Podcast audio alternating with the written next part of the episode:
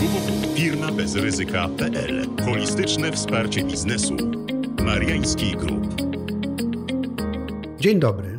Nazywam się Adam Mariański, jestem partnerem Mariański Group i zapraszam na kolejny podcast Firma bez ryzyka.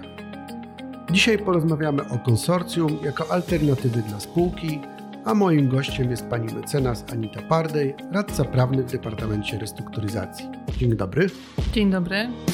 Pani mecenas, wiele różnych form prawnych działalności gospodarczej było podejmowanych w ostatnich latach. Konsorcjum nam się głównie kojarzy z przedsięwzięciami na przykład budowlanymi w systemie tam zamówień publicznych, ale wydaje się, że konsorcjum może być także alternatywą dla innych przedsięwzięć, szerzej stosowaną, być może nawet alternatywą dla spółki osobowej.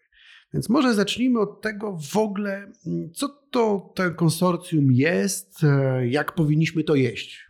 Ten temat y, wspólnych przedsięwzięć gospodarczych, y, będących właśnie alternatywami dla spółek osobowych, no jest teraz dosyć taki e, popularny na czasie.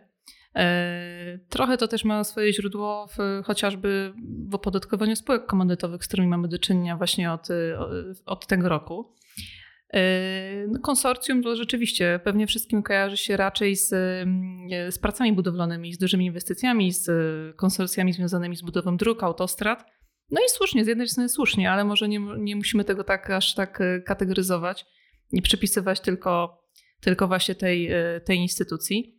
E, konsorcjum, no cóż, ono nie jest uregulowane tak wprost. Nie mamy, nie mamy regulacji ustawowej, nie możemy otworzyć kodeksu i, i znaleźć, znaleźć regulacji mówiącej tak o jak tym. w przypadku spółki osobowej, gdzie mamy kodeks spółek handlowych, mamy przykład. pewne regulacje, przynajmniej te, które są obowiązkowe i możliwość doprecyzowania tych przepisów. Także konsorcjum, no to co można oczywiście na samym początku powiedzieć, no tym właśnie różni się od znanych nam spółek osobowych, że nie mamy regulacji ustawowej. Możemy powiedzieć, że to jest umowa nienazwana, my tak właśnie prawnicy mówimy, umowa nienazwana.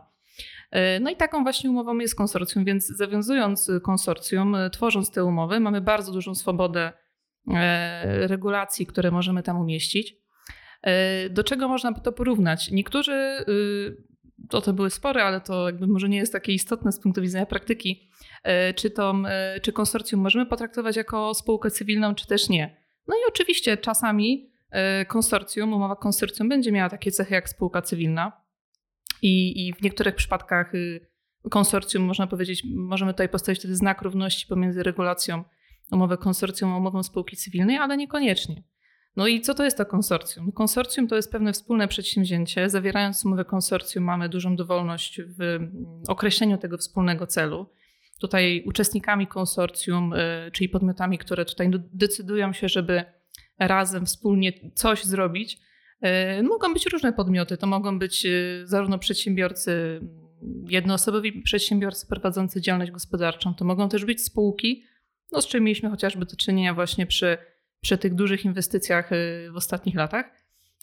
Ale, ale nie tylko, czyli tutaj ta dowolność jest duża, jest duża dowolność w określeniu celu. Ale tutaj, jak rozumiem, też istotne właśnie to trzeba podkreślić, że dowolność jest, ale w zależności od kształtowania umowy konsorcjum, Będą różne skutki prawne i podatkowe, bo to jest też istotne. O tym sobie zresztą za chwileczkę zapewne powiemy, ale to ma znaczenie zwłaszcza w sytuacji, gdy poszukujemy rozwiązań neutralnych podatkowo na moment zawiązywania takiego przedsięwzięcia, a potem realizacji tego przedsięwzięcia i rozliczania zysków. No bo jak oczywiście wiadomo, biznesie chodzi o to, żeby zyski osiągać, czyli ten dochód w rozumieniu podatkowym i też gdzieś go trzeba będzie opodatkować. I patrząc na tych uczestników konsorcjum, to rozumiem, taki, jako przykład taki możemy sobie wyobrazić, że osoba fizyczna nieprowadząca działalności gospodarczej posiada super fajną nieruchomość, na której można wybudować e, osiedle mieszkaniowe. E, no ale nie chce budować, bo nigdy nie była przedsiębiorcą, nie chce ponosić tego ryzyka i może zawiązać z kimś spółkę, ale to są różne konsekwencje zawiązywania takiej e, spółki i odpowiedzialności. Albo rozumiem, może na przykład z deweloperem zawiązać, podpisać umowę konsorcjum, odpowiednio regulując obowiązki stron. Dokładnie. I e, tutaj to oczywiście niesie za sobą różne konsekwencje, taka umowa konsorcjum i to, że to nie jest spółka, bo e, w przypadku umowy konsorcjum to właśnie to, to, to niesie ze sobą inne skutki. W przypadku spółek mamy odrębną osobowość prawną. Ta spółka jest odrębnym podmiotem. W przypadku konsorcjum tak nie jest. To jest pewien pewną, po prostu rodzaj umowy pomiędzy stronami, które, które postanawiają, że razem będą dążyć do jakiegoś, jakiegoś celu. Ten przykład, o którym powiedział pan profesor, no to on jest właśnie dobry, bo on pokazuje, że mamy podmiot, który właśnie ma, no ma majątek, który chciałby w jakiś sposób wykorzystać, ma tę nieruchomość, ale nie ma narzędzi ku temu. I to jest właśnie też no, podstawą w ogóle samego stosunku konsorcjum, czyli no, możemy powiedzieć, że również na przykład spółki cichej, bo też taka ciekawa instytucja, też wspólnego przedsięwzięcia, no ale No jednak... właśnie, bo tutaj oczywiście znowu umowa spółki cichej nie nazwana e, umowa, Mhm. bo jej nie ma w tej chwili w polskim porządku prawnym przed wojną Dokładnie. była. Mhm. E, Też ciekawa bardzo konstrukcja, sporo różnych interpretacji, korzystne rozwiązania podatkowe, zwłaszcza dla cichego e, wspólnika. E, Ale o tym oczywiście dzisiaj nie będziemy mówić, bo to jest jakby trochę inna konstrukcja, ale to, co pani mecenas zaznaczyła, to jest bardzo istotne, w jaki sposób konstruujemy tą umowę konsorcjum, bo możemy się zbliżyć albo do umowy spółki cichej, albo do umowy spółki cywilnej, no i wtedy też są no, czasami negatywne konsekwencje, no a my chcielibyśmy jednak stworzyć coś, e, co będzie korzystne dla uczestników, zwłaszcza jak się wydaje dla tego uczestnika, który jest tym nie, nie liderem konsorcjum, o czym za chwilę powiemy, nie tym, który to realizuje i ponosi mm, ryzyko czy odpowiedzialność, tylko no, tak jak w tym naszym przykładzie tej osoby fizycznej, która ma jakieś aktywo, chciałaby z nim coś zrobić, albo ma środki pieniężne po prostu, bo to też może być taka sytuacja. E, Natomiast nie chciałaby wchodzić w żadne spółki, zawiązywać, później rozwiązywać, prowadzić jakichś procesów o rozwiązanie tych spółek, zrealizować wspólne przedsięwzięcie z jakimś konkretnie mm, wybranym e, partnerem.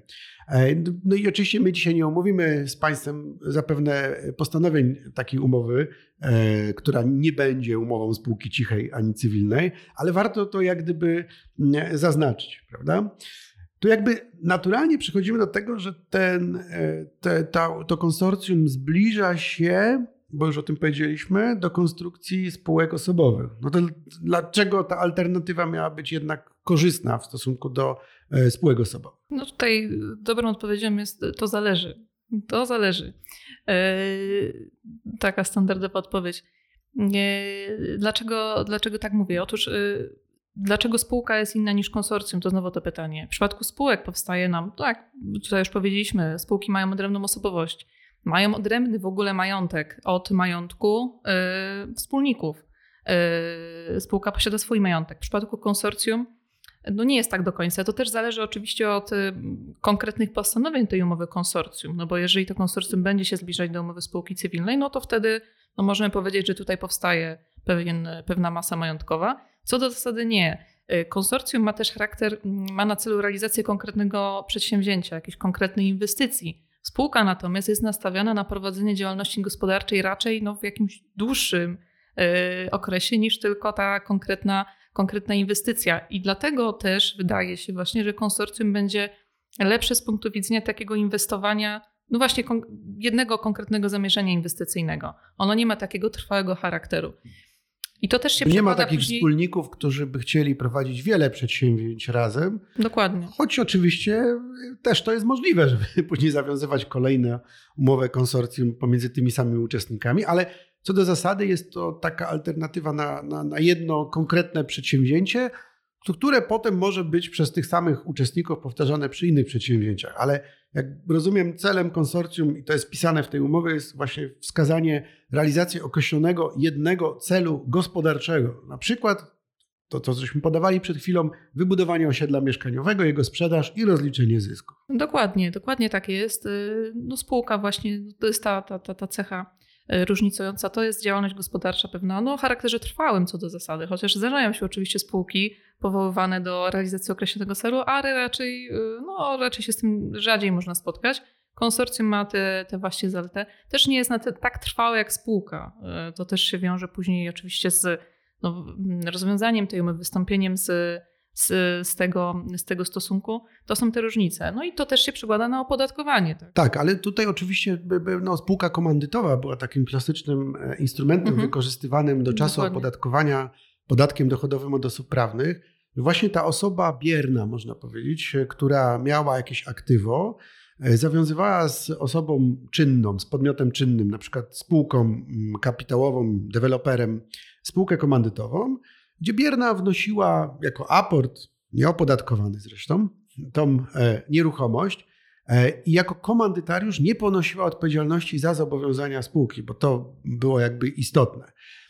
Bo rzecz jasna, dalej możemy zawiązywać spółkę jawną na przykład, tak? E, czy, czy cywilną, ale wtedy obydwie strony ponoszą pełną, e, czyli wszyscy wspólnicy ponoszą pełną odpowiedzialność za zobowiązania cywilnoprawne, publicznoprawne. No i dla takiego biernego inwestora to jest słaba alternatywa, no bo to jest duże ryzyko odpowiedzialności za zobowiązania w biznesie, którego nie do końca musi znać i czuć. W związku z tym rozumiem, że ten, te konsorcja inne niż o których mówiliśmy na początku, te publiczne, dla realizacji przedsięwzięć zamówień publicznych, sta, stają się jakąś alternatywą dzisiaj w sytuacji, gdy opodatkowano spółki komandytowe. Trzeba to jak najbardziej rozważyć i, i wydaje mi się, że być może obrót będzie szedł w tym kierunku. E, to jest właśnie to, o czym pan profesor powiedział, to o czym mówimy przez cały ten, ten rok czyli opodatkowanie e, podatkiem e, od osób, dochodowym od osób prawnych, właśnie spółek komandytowych, co zdecydowanie spowodowało, że no nie jest to tak e, atrakcyjna forma prowadzenia działalności, a powinna być, która właśnie pozwalała na różnicowanie tej odpowiedzialności.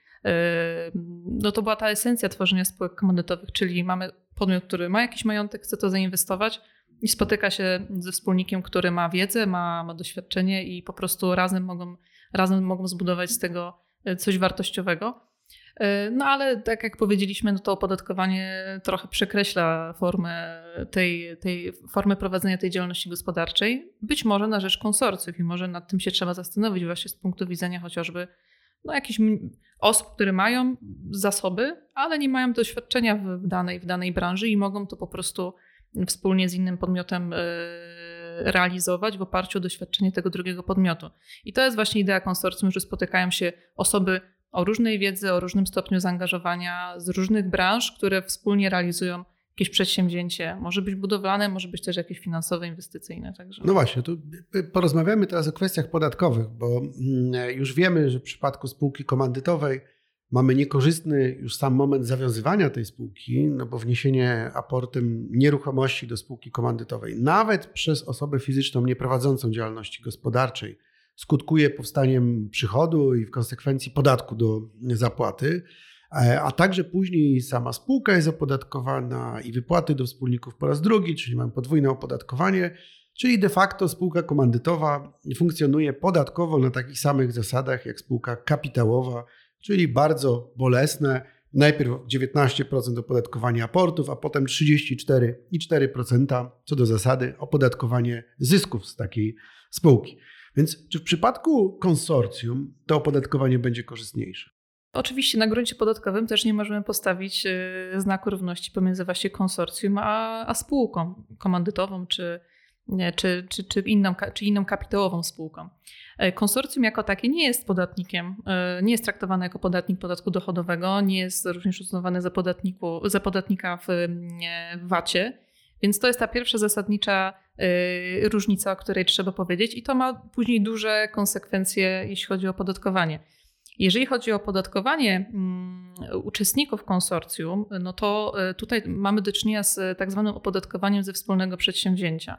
I przez to, że pierwszej kolejności nie będzie opodatkowany dochód konsorcjum jako taki, przychód konsorcjum jako taki, bo ono nie jest podatnikiem, to patrzymy y, na opodatkowanie dopiero tych uczestników i to oni będą opodatkowani w zależności od tego, co do zasady, jak został określony ich udział w zysku w ramach umowy konsorcjum. Jeżeli nie został określony, to się raczej nie zdarza oczywiście, ale jeżeli nie zostałby określony, no to wtedy oni będą uczestniczyć w tym, y, w, w przychodach, w kosztach, y, w zysku w równym stopniu. E, no Ale rozumiem, że to opodatkowanie jest po prostu jednokrotne, czyli mm, ta osoba fizyczna jako uczestnik konsorcjum zapłaci od dochodu, który jest przypisany, e, przypisanego zysku, tej proporcji zysku, podatek dochodowy od osób fizycznych, w zależności od tego, jak to skonstruujemy, prawdopodobnie z działalności gospodarczej, a inny uczestnik, który jest na przykład spółką e, kapitałową, zapłaci podatek dochodowy od osób prawnych, ale nie będzie już podwójnego opodatkowania, tak jak to ma miejsce w przypadku spółek kapitałowych czy też spółki komandytowej. Dokładnie i to po prostu też jest pewien no, kolejny argument, który wytrąca po prostu tę atrakcyjność prowadzenia działalności, oczywiście niektórych w formie spółki komandytowej czy, czy spółki kapitałowej. Oczywiście to zależy od rozmiaru i charakteru przedsięwzięcia, ale dla takiej inwestycji, jednak to może być atrakcyjniejsze, ponieważ mamy to e, no, jednokrotne jednak opodatkowanie, a nie mierzymy się z tym dwa razy. Więc, e, więc o tym trzeba pamiętać. A jakieś konsekwencje podatkowe negatywne się pojawiają w przypadku, czy jakieś obowiązki podatkowe w przypadku konsorcjum? Oczywiście tutaj możemy o różnych podatkach, e, o różnych podatkach mówić. No, trzeba się zastanowić oczywiście na etapie zawiązywania umowy konsorcjum, czy ta umowa będzie podlegała opodatkowaniu podatkiem od czynności cywilnoprawnych. I to zależy, oczywiście umowa konsorcjum jako taka nie jest wymieniona w, w katalogu tych czynności opodatkowanych. Jeżeli ona byłaby natomiast, nosiłaby cechy umowy spółki cywilnej, byłaby de facto spółką cywilną, takie konsorcjum byłoby spółką cywilną, no to być może wtedy to opodatkowanie pojawiłoby się. Ale jeżeli na przykład nie powstaje majątek w ogóle w przypadku umowy konsorcjum, no to też y, o tym y, podatku no, trudno wtedy mówić. Inna kwestia, pewne problemy, ale tutaj no, jednak organy podatkowe wielokrotnie o tym mówiły i wielokrotnie wypowiadały się w tym temacie, to jest kwestia rozliczeń w VAT-ie. Bo tak jak e, powiedzieliśmy, konsorcjum nie jest e, podatnikiem VAT-u. Mm, no i to, jak te rozliczenia będą przebiegać, no dzięki temu, że mieliśmy ostatnio sporo inwestycji tych budowlanych w kraju, to jednak sporo wyroków interpretacji się pojawiło, przez co no też wiemy już, e, no jak, jak do tego organy podchodzą. To, jak te rozliczenia w VAT-ie pomiędzy uczestnikami konsorcjum będą przebiegać, to zależy też y, od tego, czy to y, konsorcjum będzie miało tak zwany charakter zewnętrzny, wewnętrzny, czy będziemy mieć lidera, czy też nie. Ale, no ale rozumiem, możemy tak. tak ukształtować, że to właśnie ten lider, zdradzając takie tajemnice troszkę, mhm. e, czyli ten profesjonalista, to on będzie podatnikiem VAT-u, czyli ten, który ma aktywo, jest nieprofesjonalistą, tym martwić się nie będzie musiał. Tak, po prostu te rozliczenia będą przebiegały y, na zewnątrz, można tak y, określić, pomiędzy partnerem tego konsorcjum a liderem, a później lider już po prostu będzie dokonywał odpowiednich rozliczeń względem uczestnikami konsorcjum. Czyli to też e, no wiemy po prostu, jak, jak, to powinno, jak to powinno przebiegać. E, pewne problemy tutaj już e, odpadają. Tego generalnie rzecz biorąc wynika, że oczywiście zależy od konkretnej sytuacji, że konsorcjum może być bardzo dobrą alternatywą dla dotychczas powszechnie wykorzystywanych spółek komandytowych do realizacji wspólnych przedsięwzięć, Zwłaszcza gdy mamy partnerów jednego branżowego, drugiego niebranżowego. Bo ten niebranżowy też może być przedsiębiorcą, e, ale na przykład e, uprawiającym pieczarki, ale mającym nieruchomość, którą chce przeznaczyć pod e, działalność deweloperską. No i chciałby z partnerem profesjonalnym takie przedsięwzięcie przeprowadzić. Nie musi od razu zawiązywać spółki, nie musi to skutkować dodatkowymi mm, podatkami na moment zawiązania i na moment podziału zysków. Natomiast y, oczywiście y, kwestie te wszystkie, o których dzisiaj mówimy, zależą od dobrego przygotowania i ustalenia warunków y, zawartych w samej umowie konsorcjum, no bo to ona, jak już to pani mecenas wielokrotnie powiedziała, to zależy. To zależy, co zapiszemy tak albo tak. No bo jeżeli mamy do czynienia z umową nienazwaną, to jest bardzo dużo takich niepewnych sytuacji, które trzeba ogarnąć w ten sposób, aby wypracować rozwiązanie nieskutkujące, że organ uzna to za umowę spółki cywilnej, spółki cichej albo jakieś jeszcze inne przedsięwzięcie, tylko będzie, będą to dochody ze wspólnego przedsięwzięcia opodatkowane oczywiście jednokrotnie podatkiem dochodowym, ale bez konsekwencji w innych podatkach. No i tutaj właśnie przechodzimy y, do tej kwestii, że aktualnie nie możemy po prostu przyjąć, że dane rozwiązanie w jakiejś gotowej formie, które znaleźliśmy w internecie, albo jakiś znajomy nam prawda, powiedział, że on prowadzi działalność w takiej formie i to jest super, po prostu zróbmy inwestycje y, na takiej podstawie, to jest złe założenie. Po prostu Złośliwie musimy... mogłem powiedzieć, że my bardzo lubimy rozwiązania z internetu, bo potem klienci do nas przychodzą i musimy to naprawiać. A musimy pamiętać, że wydatki na naprawę są o wiele wyższe niż na bieżącą konserwację, czyli w tym przypadku zapobieganie unikanie ryzyka, tworzenie dobrych rozwiązań jest o wiele tańsze niż później naprawianie. Czasami nie da się naprawić, bo skutki są już tak bolesne. Zwłaszcza podatkowe, że nawet my nie pomożemy. Natomiast no, poszukiwanie, a jak wiemy w Polsce mamy najwięcej lekarzy i prawników tych z internetu, e, no to poszukiwanie na własną rękę rozwiązań przy tego typu przedsięwzięciach jest wysoce ryzyko. Tak, bo umowa konsorcjum, tak jak powiedzieliśmy, ona daje dużo możliwości, ale też przez to generuje no, pewne ryzyka. Jeżeli yy, określimy to na początku w odpowiedni sposób, precyzyjnie sformułujemy tę umowę, to możemy na tym sporo zyskać. I to może okazać się rzeczywiście dobra alternatywa dla, dla pewnych przedsięwzięć yy, prowadzonych do tej pory w formie spółek, no bo wiemy, że prawda, spółki mają określone regulacje, umowa konsorcjum takiej ścisłej regulacji ustawowej nie posiada, więc y, w ramach tej dowolności po prostu musimy wybrać te rozwiązania, które będą skutkowały takim dobrym rezultatem. No i w ten sposób możemy, proszę Państwa, podsumować, e, że nie ma co płakać nad rozlanym mlekiem w postaci opodatkowania spółek komandytowych. Mamy alternatywę dla państwa, która może być bardzo interesująca przy poszczególnych przedsięwzięciach, choć oczywiście ostateczna ocena zależy od konkretnej sytuacji. Dziękuję Państwu serdecznie. Naszym gościem dzisiaj była pani mecenas Anita Pardej. Dziękuję za rozmowę. Również dziękuję. Do usłyszenia. Do usłyszenia.